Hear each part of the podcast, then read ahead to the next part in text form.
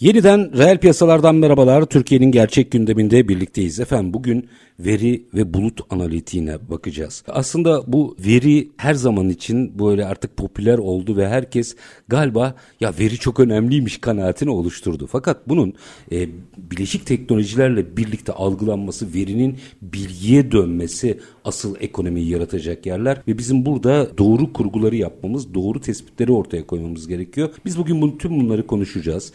Türkiye Ülke Müdürü Abdülkadir Kesimli bugün reel piyasaların konu. Sayın Kesimli öncelikle hoş geldiniz. Hoş bulduk. Üstadım şimdi belli bir kanaat oluştu. Ne kadar doğru ve altı dolu bilmiyorum. Onun yorumunu ne olur siz yapın. Gerçekten verinin ne olduğunu anladık mı? Veri analitiğinin doğru tanımlamalarını yapabiliyor muyuz? Ve tabii ki bulut bilişim gibi teknolojileri burada hatta işte blockchain vesaire hepsini büyütelim. Bu teknolojileri doğru kullanacağımız bir metodolojiye ulaştık mı? Bunun sohbetiyle, yorumuyla başlayalım. Detaylara gireceğim. Evet, e, söylediğiniz gibi aslında her şey veriyle başlıyor ve son yıllarda tabii ki bu veriye olan önem e, şirketlerin, insanların bu anlamda özel bazı çabaları girişmesi elbette bu anlamda bir ilerleme olduğunu sağlıyor ama henüz tam o olgun noktada mıyız? Bunun için şu an için tam olarak e, bir olgun noktayı yakaladığımızı söyleyemiyoruz. Dünya Ama genelinde de böyle değil dünya mi? Dünya genelinde de böyle aynen. Aslında e, baktığımız zaman artık şirketler hatta bireylere kadar bu veri analitiği önemli hale geldi. Tabii hani çok temel anlamda bir e, analiz yapmak istersek veri analizi dediğimizde aslında farklı kaynaklardan verilerin toparlanıp bunların kendi aralarında bir ilişki kurması ve bundan bazı öngörüler elde etmemiz olduğunu söyleyebiliriz. Tabii burada baktığımız zaman önce bir verinin varlığından bahsediyoruz ve daha sonra bunun toparlanma işleminden bahsediyoruz. Tabii bunu sonuçta bir yere depolamamız gerekiyor ve daha sonra üzerinde işleme ve en nihayetinde oradan elde ettiğimiz çıktılarla da kendi karar verme mekanizmamızı oluşturmak gibi bir iş süreçlerinden bahsedebiliriz. Bulut galiba burada devreye giriyor değil mi? Yani böyle bir server yakalayamazsınız bu kadar çok verinin olduğu bir ortada. Böyle bir server yatırımı da yapmak çok feasible değil ama bulut galiba burada devreye giriyor. Kesinlikle aslında bütün teknolojiler yani 1970'lerden 80'lerden sonra baktığımızda işte mobil verinin kullanılması, daha sonra işte buradan yola çıkarak akıllı telefonların çıkar, çıkması, daha sonra tabii ki sosyal medya ve benzeri iletişim araçlarının çok yoğunlaşması, beraberinde verinin de inanılmaz bir şekilde artmasına sebep oluyor. Tabii bu sefer bunları doğru bir şekilde depolamak, bunların üzerinde hızlıca analizler yapmak gereksinimi ortaya çıkıyor.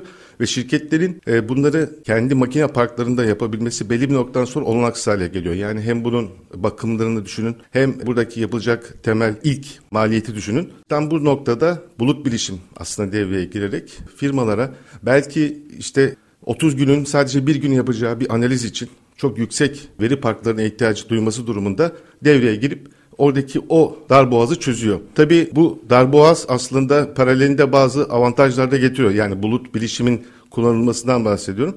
Ee, özellikle bulut bilişim deyince aklımıza ne geliyor? İşte daha hesaplı. Bunun dışında dünyanın istediğiniz noktasında istediğiniz şekilde e, erişme imkanı sağlaması ve bu da aslında küresel rekabette bir avantaj konumuna getiriyor. Biraz da güvenli.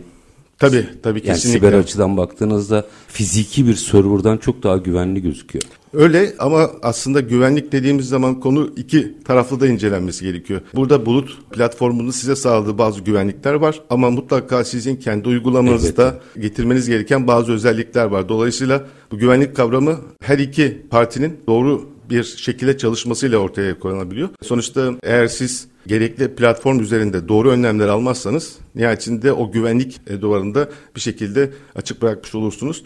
E, dolayısıyla bu kısım hem bilişim platformu sağlayan o sağlayıcının hem de bu uygulamaları geliştiren, onun üzerinde kendi uygulamalarını canlıya alan e, firmaların da kontrol etmesi gereken bir konu. Tabii çok özür diliyorum. Trendlerden bahsederken bir şeyi de madem aşama aşama gidiyoruz kırılmaları okuyalım. Bulut meselesi yani bulut bilişim bu kadar yaygınlaşana kadar bizim hep şöyle bir algımız vardı. Big Data'yı biliyoruz değil mi? Hepimiz biliyoruz artık büyük veriyi.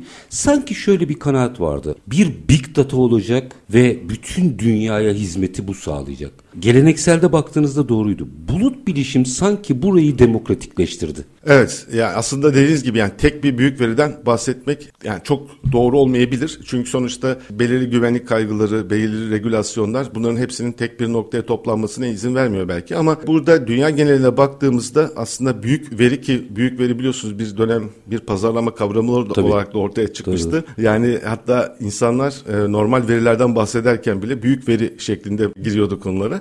Ama e, zaman içerisinde büyük verinin ötesinde bir analitik kavramın e, AI, yapay zeka konularının çok daha ön planda olması gerektiği aslında gen, insanlara ve firmalara sağlanan kalkma değerin analitik tarafında yani sonuçta bu büyük veriyi depolamak veya bunu bir şekilde analiz edilebilir hale getirmek tek başına yeterli değil. Esas ondan sonra yapmış olduğunuz o analitik süreçler sizi önünüzü açacak, size e, bir karar verme mekanizması oluşturabilecek konular. Dolayısıyla bu yapay zeka ve ondan sonra işte şu günlerde konuştuğumuz üretken yapay zeka hı hı.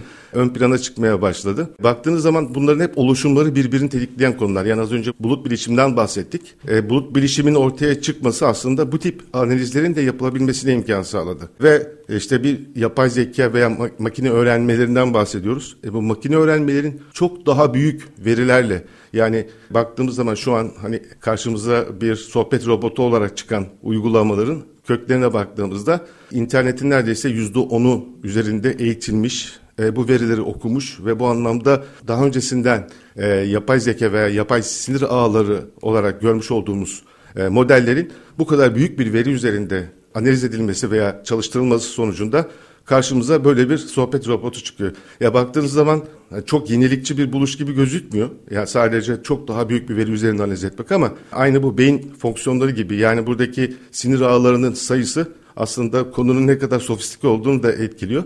Dolayısıyla böyle bir çıktının karşısında karşımıza artık sadece analiz ettiğimiz ve bunun çıktısından faydalandığımız bir konu değil. Yeni içerik üreten bir yapıyla karşıyayız. O yüzden zaten üretken yapay zeka ifadesi ortaya çıkıyor. Tabii şu an biz sadece konunun sohbet tarafındayız belki. Yani sorduğumuz sorulara gerçekten bir insana yakın bir şekilde cevap veriyor ve anlık cevap veriyor. Çok değişik kaynaklardan verileri hızlıca toparlayıp önünüze sunabiliyor. Uzun bir metin veriyorsunuz. O metni bir şekilde kendi kendine özetliyor ve gerçekten birçok işlemimizi e, hızlıca bitirmemizi sağlıyor. İşte bunları yanı sıra aslında bu e, iceberg'in görünen kısmı yani. Bunun bir de alt tarafı var. Yani paralelde işte ortaya çıkan, kendi kendine resim yapan, melodi üreten yapıları düşünün. Tüm bunların zemininde aslında aynı o üretken yapay zekanın farklı kanallarda kullanım senaryoları var. Peki bu endüstriyi etkileyecek mi? Kritik bir konu bu. Evet e, aslında A'dan Z'ye bütün endüstrileri belki etkileri aynı seviyede olmasa da e, A'dan Z'ye etkileyecek bir çıktı var. Orada bir tercih var. Biraz açalım onu. Etkileyecek kelimesi bence kritik bir kelime. Etkileyecek ve olumsuza çevirecek, etkileyecek ve büyümesini sağlayacak. Şimdi buradaki tercih ve bakış açısı çok önemli. Biraz burayı açalım mı? Evet aslında bakarsanız bu son işte 5-6 yılda karşılaştığımız konuların ifadesinde veya tanımında yıkıcı teknolojiler ifadesi kullanılıyor. Şimdi tabii İngilizceden gelen bir kelime Türkçe'ye bakarsak ve olumsuz bir ifade gibi gözüküyor. Yıkıcı teknoloji. Tabii buradaki yıkma işlemi mevcutta sürdürmüş olduğumuz işlerin metodolojisini, yapılma biçimlerini ve sahasını, etkinliğini değiştiren, yıkan e, anlamında kullanılıyor. Tabii yıkma derken yerine daha ekonomik, daha performanslı, daha hızlı ve daha kaliteli çıktılar üretebilen yeni bir adayla değiştiriyor bu mevcuttaki teknolojiyi. Yok etmiyor yani. Yok Yeni, et, yeniliyor. Evet yani şimdi tabii böyle bir alternatif geldiğinde şimdi tabii ki her şey maliyet ve hız açısından değerlendirdiğimiz zaman mevcuttaki yaklaşım yerine yeni yaklaşımı tercih etmek durumunda oluyorsunuz. Çünkü bu sizi rekabette geri bırakma olasılığı var.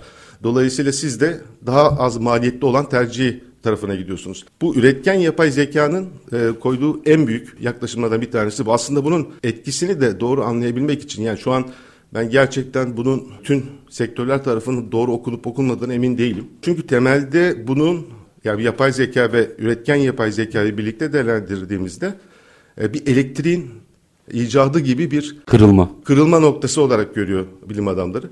E bunun temel sebebi de aslında bu üretkenliği bir şekilde koymak. Tabii mesela sektörlere baktığımızda sanırım bundan en çok etkilenecek iki alan birisi işte yazılım mühendisliği, e diğeri de pazarlama, satış. İşte buradaki metin üretmeye dayalı konular bunlar gerçekten yerini apayrı bir yaklaşıma bırakıyor olacak. Elbette burada bazı mesleklerin ölmesinden de bahsediyor olabiliriz ancak tabii temel yaklaşım işte insan olunu bunu bir rakip olarak görmeyip kendi üretkenliğini artırıcı bir araç olarak değerlendirmesi en doğru yöntem olacaktır. Peki minik bir araya gideyim. Aranın ardından belki de bunu konuşmak lazım. Yani onu bir e, rakip yerine kullanacağı bir teknoloji olarak görmeyi başarmak adına mesela bir işletme, bir profesyonel çalışan meseleye nasıl bakmalı biraz bunu açalım istiyorum. Ama minik bir ara aranın ardından Eretim Türkiye Ülke Müdürü Abdülkadir Kesimli ile sohbetimiz devam edecek. Bu arada Cloud Data Analitik yani İstanbul Summit 2023'ün Ekim'in ortasında 19 Ekim'di galiba gerçekleşti. Oradaki sonuç bildirgesinden de aslında trendi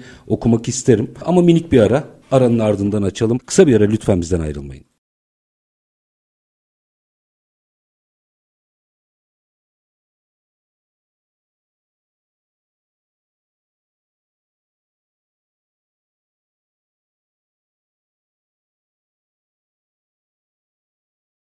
Kısa bir aranın ardından reel piyasalarda işte gündemde birlikteliğimiz devam ediyor efendim. Eretim Türkiye Ülke Müdürü Abdülkadir Kesimli bizlerle birlikte veri analitiği ve bulut bilişimi üst başlık yaptık. Aslında e, virgül attığımız yer çok iyiydi. Firmalar. Yani reel sektör. Bunu doğru kullanma kullanmama stratejilerini belirlerken neye dikkat etmediler? Biraz burayı açalım isterseniz. Evet aslında firmaların e, öncelikle veriyle başladık yolumuza. Veriyle devam edelim. Örnek bir e, işletme üzerinden belki veriyi analitik olarak nasıl kullanabilirler ve şu an niçin kullanabiliyorlar, gelecekte kullanabilecekler mi gibi bir belki bakış açısı ve açılım getirebiliriz. Örneğin işte bir tekstil mağazasından ve atölyesinden bahsedelim. Yani bir tarafta tekstil üretimi yapılan daha sonra bunların satışı noktasında e, mağazaları bulunan bir yapı. Örneğin burada yapay zeka veya işte veri analitiği hangi konularda bu işletmeye fayda sağlayabilir?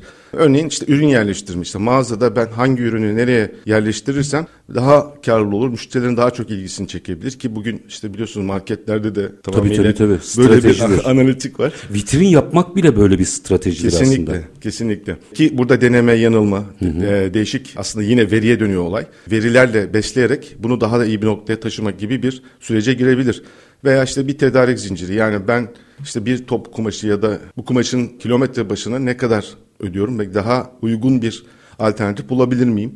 E, veya bunların karşılaştırması konusu ya da işte bir kalite kontrol. Yani mesela bu tekstil e, sektöründe tabii ki bu çok ön planda. Örneğin e, benim üretmiş olduğum malzemede bir kalite mühendisi gibi kullanmış olduğum kumaşın içerisinde herhangi bir defo var mı, bir yırtık var mı gibi bir konunun bir kalite mühendisi gibi yapay zekaya yaptırılması hem daha az maliyet hem daha Sıfıra yakın hata. Sıfıra yakın hata gibi bir noktayla karşılaşıyoruz. Peki şu an niçin kullanılamıyor? E şimdi çok temelde olarak düşündüğümüzde belki bu gelişmeler zaten buranın önünü açacak. Bir AI uzmanını bir tekstil yani belirli bir marjın altında olan belki küçük işletmelerde kullanabilmek e, çok kolay değil. Yani bunun işte illaki bir yatırımı var. Bir yatırımı söz konusu. Dolayısıyla işte bu ilk yatırım ya da bu yüz kezden elde edeceğimiz karın gerçekten bu yatırıma deyip değmeyeceği gibi bazı soru işaretleri var.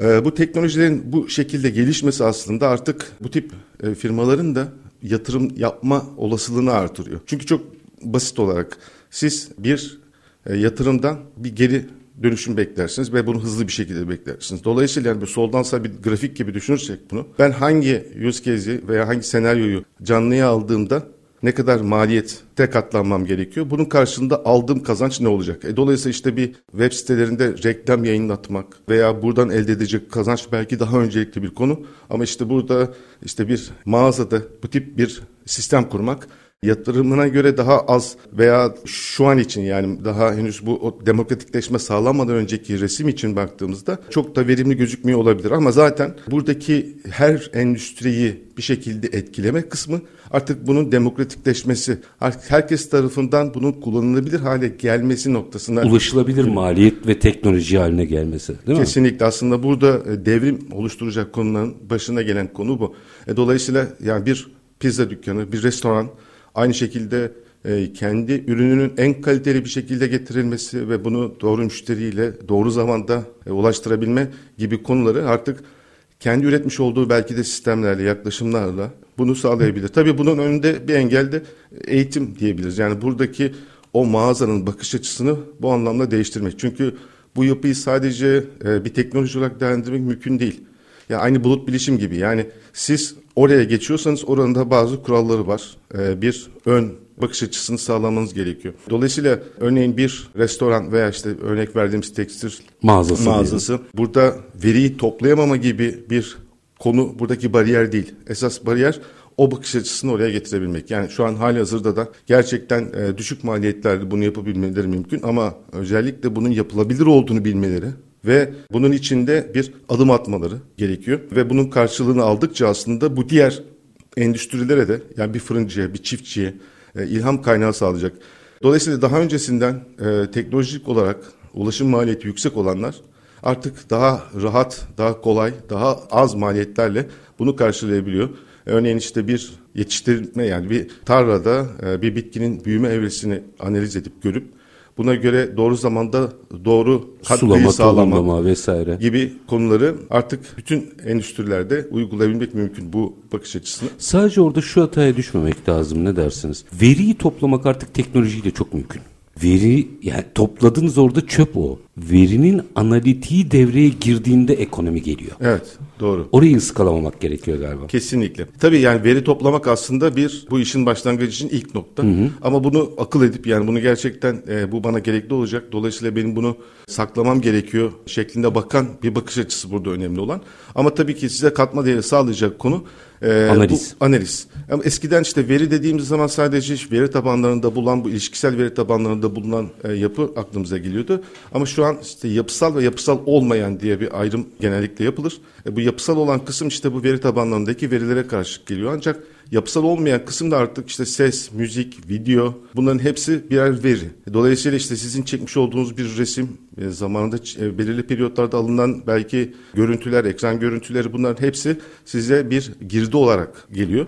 Eskiden işte bu optik okuyucularla bunu değerlendirmek belki maliyetli gözükebiliyordu ama şu an bunlar çok daha düşük bariyerlerdi. Dolayısıyla bunları da diğer verilerle elde etmiş olduğumuz diğer verilerle eşleştirip ki burada da işte dediğim gibi yapay zeka ve üretken yapay zekanın kendi kendine bunu belirli bir seviyeye kadar yapabilmesini de kullanarak artık bunu bir öngörüye dönüştürme, e, bir çıktıya dönüştürme, bir kazanç kapısı noktasına getirme gibi bir e, noktaya gelebiliyoruz hızlıca. Üstad biraz e, uçayım mı?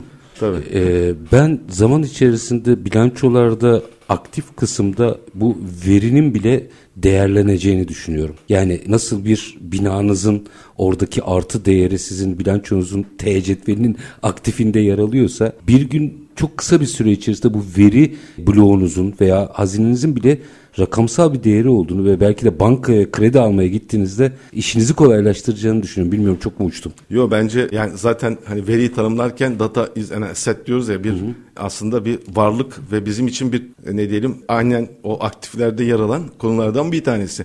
Yani ne kadar bu ön plana veya henüz bilançoda yansımış olmasa da aktif olarak ya müşteri dediğimiz kavram şu an hani canlı bir insan arka tarafta var ama sizin için müşteri bu veri tabanlarınızdaki veya işte sizin storage'larınızdaki bulunan veriden bahsediyorsunuz. Yaşayın. Dolayısıyla bakkal nasıl bir müşteri iyi tanıyor, onun e, bütün ihtiyaçlarını ne zaman olacağını, işte kaç tane çocuğun olduğunu ve dolayısıyla okul zamanı geldiğinde ön plana çıkarması neden gerektiğini gayet iyi anlayabiliyor. İşte siz de bir aslında bakkal gibi bütün müşterilerinize aynı hassasiyeti gösterebilmeniz gerekiyor. E, bunun için de yapmanız gereken şey çok net. Yani müşteriyle siz doğrudan temas etme özellikle tabii büyük firmalardan bahsediyorum. Belki kitle iletişimin yapılmış olduğu firmalardan. Onların birebir bu iletişim kurması e, çok olanaklı değil. Tabii bunun da kapısı paralelde açılıyor ancak önemli olan burada müşterinizi fiziken tanımaktan öte birebir e, onun bütün verilerini yorumlayarak, doğru yorumlayarak onun gerçek ihtiyaçlarını anlamak ve doğru zamanda doğru aksiyon alarak kendi karlılığınızı etkileyecek bir şekilde e, bunu e, bir pozitif değere dönüştürmek önemli. Önce galiba bu kanaati zihne yerleştirmek gerekiyor. Gerisi teknolojiyle halloluyor. Özellikle verinin toplanması, verinin analitiği ki bulut şimdi demin de ifade ettiğimiz gibi çok daha işi ulaşılabilir hale geldi. Tam bu aşamada bu Cloud Data Analitik yani İstanbul Summit 2023'ün sonuç bildirgesi yayınlandı. Bir kere orada ne tartışıldı ve sonuçta ne çıktı? Artık olmuştur eminim üzerine. Bugüne de bize açılım yapabilecek biraz sonuç bildirgesinden de bahsetmek isterim. Tabii ki. Aslında az önce konuştuğumuz konular en nihayetinde çok tartışmanın ortak konuları. Tabii bunun sadece bize olan etkisi elbette analitik olarak baktığımızda ve bu yapay zeka ve üretken yapay zekanın hı hı. hayatımızı nasıl değiştireceği ve aslında yıkıcı bir teknoloji olarak bunun farkındalığını varmaya çalışmak en önemli konulardan bir tanesi.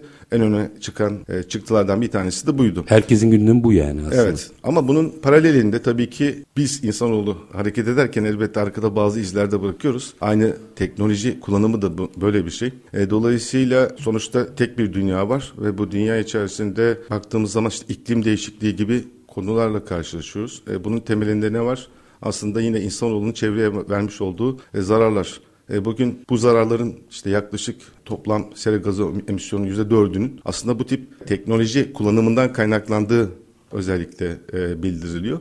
E, dolayısıyla bunun kök nedeni aslında fosil yakıtların kullanılarak bugün bu teknolojinin beslenmesi. Yani şu an baktığınızda hiç aklınıza gelmiyor ama siz bir arama yaptığınızda internette bu arka tarafta belki işte bin tane farklı makineye gidip burada bir enerji tüketiminin karşılığı ve bir karbondioksit salınımına bir şekilde sebep olmuş oluyorsunuz. Bir kere elektriksiz çalışmayan bir sistem. Evet yani Öyle zaten aynen ya yani o elektrik üretmek için de dediğimiz gibi işte belki bu fosil yakıtlar çok fazla yol kullanılıyor ve bu da tabii ki çevreye olan etkisi zaman içerisinde daha da e, gözle görülür bir noktaya geliyor. Zaten bulut bilişimi de buraya bağlayacak olursak bulut bilişimi bu yöndeki kazançlarından bir tanesi bu veri platformu veya işte bir bilişim platformu sağlayan bulut providerların e, kullanmış olduğu enerjinin aslında yenilenebilir enerji olması ön plana çıkıyor ve aslında bütün hepsi teker teker bunun sözünü veriyor. İşte 2030 yılına kadar ben bütün veri merkezlerimin enerjisini bu yenilenebilir enerji üzerinden sağlayacağına dair taahhütler var. Tabii bu aynı zamanda işte çevreye vermiş olduğu belki sosyal sorumluluk bir projesinin bir parçası ya da işte müşterilerinize belki daha hoş görünebilme ya da onların isteklerini göz önünde bulundurabilmenin bir parçası. Ancak şu çok net ve gerçek ki nihayetinde bizim atmış olduğumuz bir sorgu ya da işte gereksiz bir şekilde atmış olduğumuz mesaj paralelde bu tip bir çıktı da üretiyor. Yani o bilgisayardan gidiyor diye bir şey olmuyor. Zihniyetini de evet. değiştirmek lazım. E peki bütün bunlarda aslında yine vurgu var. Yıkıcı teknolojilerin yükselişine dair siz de az önce aslında o vurguyu yaptınız. Burada kararı nerede vermesi lazım bir firma? Şimdi ikiye ayırmam lazım burada. Teknoloji yani bu sektörün içindekilerin durumu ne? Bu sektörün hizmet verdiklerinin durumu ne?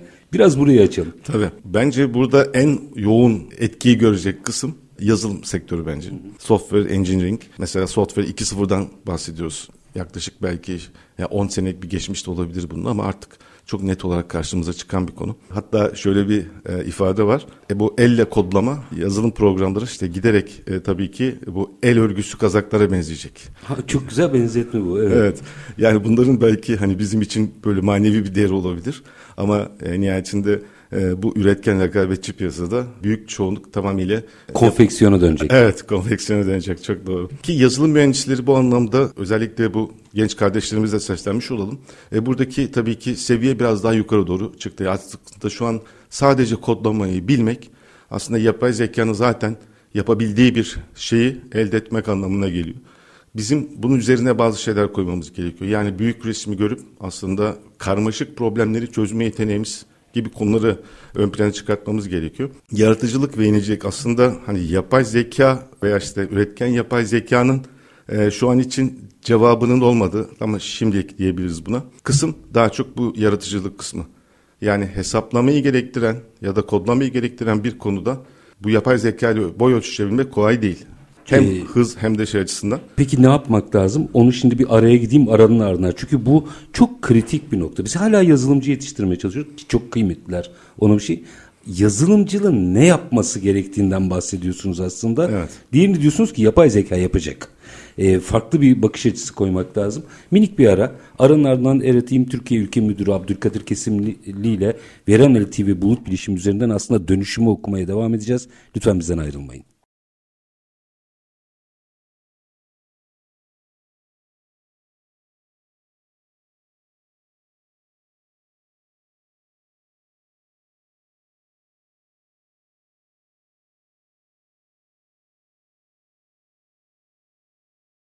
Bir aranın ardından reel piyasalarda tekrar sizlerle birlikteyiz efendim. Veri analitiği ve bulut bilişim üzerinden aslında dönüşümü konuşuyoruz. Eretim Türkiye Ülke Müdürü Abdülkadir Kesimli bizlerle birlikte. Şimdi e, tekrar işi tercihler noktasına getirelim. Yani yazılım atfınız bence daha doğrusu yazılımcı atfınız bence çok önemliydi. Orayı biraz açmanızı rica edeceğim. Yani dediniz ki artık klasik bir kodlamayı yapay zeka hallediyor.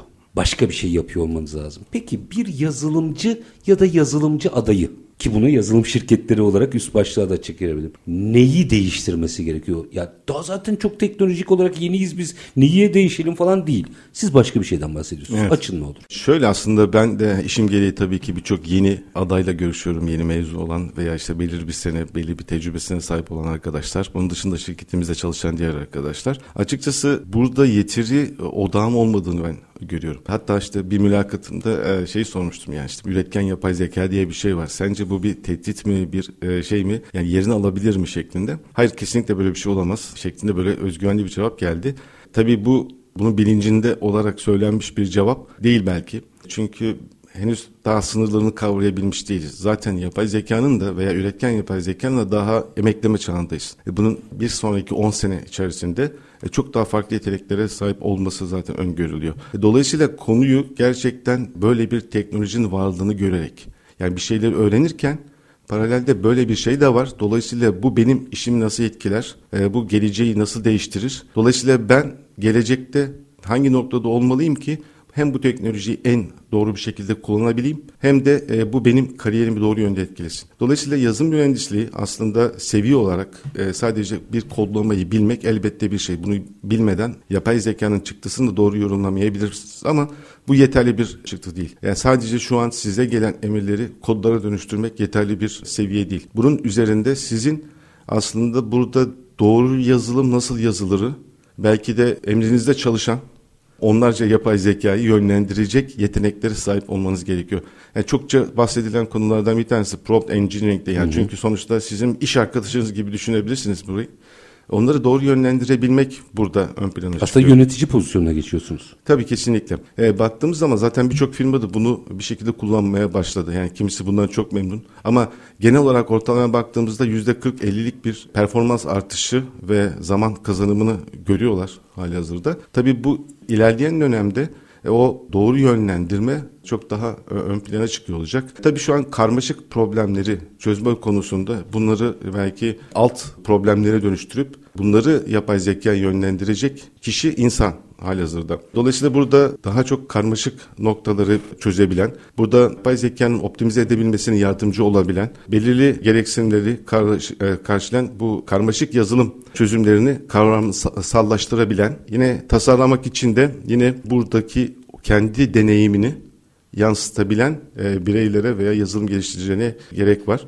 Tabi paralelde işte bu etik konular devreye giriyor. En nihayetinde e, burada düşünebilen veya işte burada etik unsurları kod seviyesini ayrıştırabilen bir yazılımdan değil, bir insan insanın bunu doğru şekilde yönlendirebilmesinden bahsediyoruz. Dolayısıyla bu anlamda mesela yazılım geliştirici arkadaşların doğru bir bilgiye sahip olması bence ön plana çıkıyor. Yani orada çok ciddi anlamda aslında kendilerini geliştirmeleri gerekiyor. Kesinlikle aynen. Çünkü burada yazılım mühendisleri işte bu bağlamsal anlayışa e, ve değişen gereksinimlere uyum sağlama yeteneğine sahip. Dolayısıyla gereksinimleri toplamak, işte iş ihtiyaçlarını doğru şekilde anlamak, bu belirli bağımlara e, uyumlu bir şekilde yazılım üretebilmek için paydaşlarıyla tabii ki çok yakın çalışmak zorunda. Ve işte burada örüntü tanımaya yardımcı olması bence çok daha ön plana çıkacak burada. Çünkü e, bu kar, e, kar, karmaşık bağlamları anlayıp bunları bilinçli kararlara dönüştürebilme ancak onların yönlendirmesiyle ortaya çıkacak. Dolayısıyla yani burada e, sadece o kodun geliştirilmesi konusunda değil, bu uzmanlıklarını daha da belki e, yapay zekayı da kullanacak şekilde genişletmesi çok daha kritik bir Anladığım noktada söyleyebilirim. Aslında yine başlangıç noktalarımıza gelirsek yani veri analitiği ve bulut bilişime gelirsek rakip değil. Kesinlikle. Bunlar kullanabilecekleri teknolojinin geliştiği bir nokta. Arada konuşmuştuk onu. Herkes alfabe bilebilir Bazıları roman yazar. Evet. Yeni yazılımcılar roman yazacak olanlar. Peki sizin özelinizde de bir şey, tespit almak isterim. Yani sizi onu görebilme durumundasınız. Çünkü işin işinizin bir bacağı Amerika. Amerika ile de iş yapıyorsunuz. E, şimdi bilişim dediğimiz zaman iyiler. Bir mukayese yapabilir misiniz? Az ya da çok neredeyiz? Evet aslında burada baktığımızda Türkiye'nin ben iyi bir noktada olduğunu düşünüyorum. Birazcık tabii ki bu firma kültürlerine de e, doğrudan etkileyen bir bakış açısı. Yani bir firmanın o noktada büyüklüğü, çevikliği, daha sonra yönetimin doğru bir şekilde, vizyoner bir şekilde yapılıyor olması ister istemez yani ülkenin dışında şirketleri daha çok hızlandıran faktörler. Türkiye ile kıyasladığımızda ki zaten hani biz buradaki e, bazı arkadaşlarımız doğrudan oraya hizmet verir bir pozisyonda. Dolayısıyla özellikle oradan gelen ihtiyaçlar, bunların karşılanmaları ve ne kadar hızlıkla e, hızla karşılanmalarını düşündüğümüzde gerçekten Türkiye'nin oraya oranla hızlı iş yapabilme ve pratik düşürebilme anlamında daha iyi bir noktada olduğunu düşünüyorum. Tabii bu Türk e, insanın da aslında ortak özelliklerinden bir tanesi. Yani bu pratik düşünüp aslında yazılım geliştirmede de en önemli konulardan bir tanesi bu. Yani aslında yapısı olarak sorun çözebilme kasımız gelişik. Yani kimse kimseden üstün değil ama biz sürekli sorunla buluştuğumuz için bu kasımız çok gelişik. Evet evet iyi kaptanlar böyle hırçın denizlerde evet. yetişirmiş misali. E, biz de bunlarla sürekli farklı bir şekilde karşılaştığımız için onları nasıl çözeceğimiz doğrusunda bir sürekli eğitime tabiiz aynı bir yapay zeka gibi. E, dolayısıyla bu anlamdaki kasımız da çok kuvvetli ve bunun da çıktısını çok rahatlıkla görebiliyoruz oradaki çalışma sürelerini veya bir çözümün çok hızlı bir şekilde uygulanmasını e, sağlayabilerek. Bunun dışında tabii ki bu üretken yapay zeka e, oraya da çok etkiliyor. Hatta işte bir müşterimizin özellikle bu Hollywood'a işte belirli kiralama yapan bir şirket. Yani bundan yaklaşık şu bir, bir iki ay öncesinde bir işimizi uzatmak zorunda kaldık. Bunun özündeki sebep ise Hollywood'da bir grev, işte, grev vardı. Grev. aynen. Onu mesela çok az kişi konuştu ama o müthiş bir olaydı. Ya, aynen. Ya belki böyle ilk e, grev olarak yansıyan noktalardan bir tanesiydi. Çünkü orada yani bunu tabii filmlere de görüyoruz artık. Tabii. Doğrudan bu senaristlerin yapay zeka ile dönüşmesi ve onlandaki şeyi bir tehdit olarak algılanarak bunu bir greve dönüştürdü e, oradaki çalışanlar. Ya teknoloji gerekçeli grevdi. Bu çok enteresan bir şeydi ve Türkiye'de de çok az kişi konuştu bunu. Evet işte bu mesela bizi doğrudan etkileyen konulardan bir tanesiydi. E daha sonra tabii ki bir şekilde çözülerek devam etti projemiz ama baktığımızda e, bu sadece işte Türkiye veya belirli bölgeleri tüm dünyayı etkileyen bir konu. Yeni bir dalga. E, bu dalgada işte bir kıvrak bir sörfçü misali bunun altında kalmak değil üzerine çıkarak aslında daha iyi bir noktaya gelebilmek aslında bizim elimizde. Dolayısıyla burada işte aynı az önce de konuşmuştuk bir elektrikli otomobilin üretimi bazı şeyleri sıfırlıyor. Rekabette sizin gerçek bir pay sahibi olmanızı sağlayacak bir resetleme sağlıyor. Evet. Aynen. İşte aynı bunun gibi bunu da doğru bir şekilde kullanıp e, bunu bir karşı güç olarak değil aslında bir e, arkadaş olarak görerek bunu en iyi şekilde nasıl yerleştirebilirim kendi sektörüme, endüstrime. Çünkü dediğim gibi burada aslında içerik, content e, çok daha önemli. Yani senin o yapay zekayı neyi nasıl yaptıracağın çok ön plana çıkıyor. Dolayısıyla bunu bu şekilde yorumlayarak kendi işinize kattığınızda sadece Türkiye değil dünyada da görünür bir e, ivmelenmeyi sağlayabilmeniz mümkün. Bütün bu teknolojileri kullanarak bir firmanın aslında kısa sürede dünya ölçeğine çıkabilmesi mümkün mü? Tabii şimdi baktığınız zaman rekabette az önce saymış olduğumuz teknolojiler bazı konuların önünü açıyor. Ee, ve gerçekten buradan yola çıkarak e, şu an tüm dünyada konuşan yazılımlarımız var mı? Var. Ya ki bunların e, bir çoğuyla birebir iletişimimiz e, de var. E, bunun için aslında o e, inovasyonu e, doğru şekilde destekleyebilmek e, ve bunu dünya rekabetinde diğer rakiplerin de analizini doğru yaparak doğru yerleştirebilmek, pozisyonlayabilmek çok önemli. Dolayısıyla bence burada büyük bir ki işte oyun firmalarından bahsediyoruz. işte unicornlardan bahsediyoruz. Sürekli bakın baktığımızda burada bir ivmelenmeyi görüyoruz çok rahatlıkla. Dolayısıyla özellikle işte bulut teknolojilerinden bahsettik. bunun bir avantajı da bu dünya rekabetin aslında bir nevi köşeleri yuvarlıyor. Evet, e, yani be, belirli bir düzlemde eşitliğe e, eşitleyen bir e, mekanizma. Aynı o firmanın sağlamış olduğu yetenekleri sizin de kullanabilme durumunuz var. Yani köşeler kapılmış bitti artık. Yani siz de doğru işleri yaparak o köşeye geçebilirsiniz. Orada durmak ayrı bir şey. Evet. Ve yani yakın zamanda da aslında Türkiye'de de olacak gelişmelerde bunu tetikleyecek de olacağını düşünüyorum. Yani işte belirli regülasyonlar var malum işte belirli şirketlerde özellikle verinin yurt dışına çıkması regülatif olarak engellendiği için e, bunun Türkiye'de barındırılması çok önemli. Ancak e, büyük firmalar bu resmine görüp ve Türkiye'deki potansiyeli de görüp bu anlamda yatırım yapacaklar. Ve yakın zaman içerisinde belki o da mesela Türkiye için bir ivmelenme sağlayacağını düşünüyorum açıkçası. Sektör özelini şu 3 dakikada sektör özelini konuşmak istiyorum. Hep evet. sektörün hizmet verdiklerini ve teknolojiyi konuştuk ama ben çok inanıyorum bu sektöre. Türkiye'deki firmalara da çok inanıyorum. Fakat şöyle bir problemimiz var. Geleneksel şimdi kimsenin adını şey yapmıyorum. Geleneksel sektörleri sayıyoruz, sayıyoruz, sayıyoruz, sayıyoruz. E, bir, bir de bilişim diyoruz. Bunun altına yazılım vesaire hepsine koyun. Hizmet ihracatçıları birliğini bile güç bela daha yeni kurduk. Evet. Yeni sayılır yani. Bizim meseleye bakış açısıyla ilgili bir değişime gitmemiz gerekmiyor mu bu sektörü algılarken?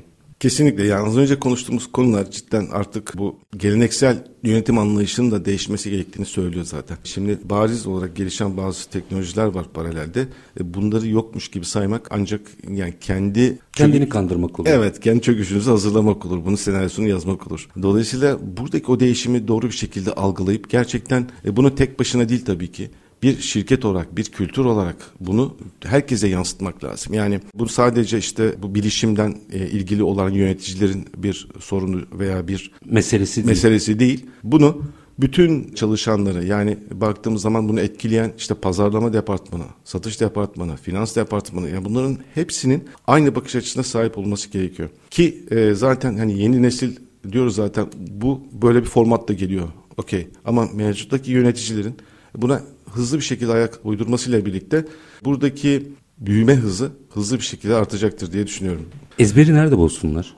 Ezberi ya bir gerçekten belki burada ilk adım ilk adım önemli. O veri analitiğinden o faydayı görüp e, bunun çıktısını gerçekten kendi e, finansallarına nasıl yansıdığını görmeleri e, belki de ilk adım olacak. Dolayısıyla bu ilk adımı atmak önemli ki bunlar mutlaka hem o işletmenin kendi içerisindeki diğer örneklere dönüşecek belki de o örnek diğer endüstrilerdeki başka örneklere vesile olacak. Dolayısıyla burada e, ilk adım olarak onu atabilme, gerçekten o mevcuda farklı bakış açılarıyla e, yaklaşabilme, bir insanın etkin bir şekilde kullanımı için onun zaten tekrarlanabilir olan işlerini bu tip teknolojileri yaptırıp kendisini gerçekten o işi büyütmeye, stratejiyi genişletmeye, yani operasyondan kurtulup büyük resmi görmeye bence e, en önemli nokta. Yani aslında bir tarafta verimlilik ve karlılık artarken para vermeden, ya tabii ilk yatırım maliyetini bir kenara koyun. Para vermeden işe insan alıyorsunuz ve nitelikli personelinizi çok daha etkin kullanmaya başlıyorsunuz.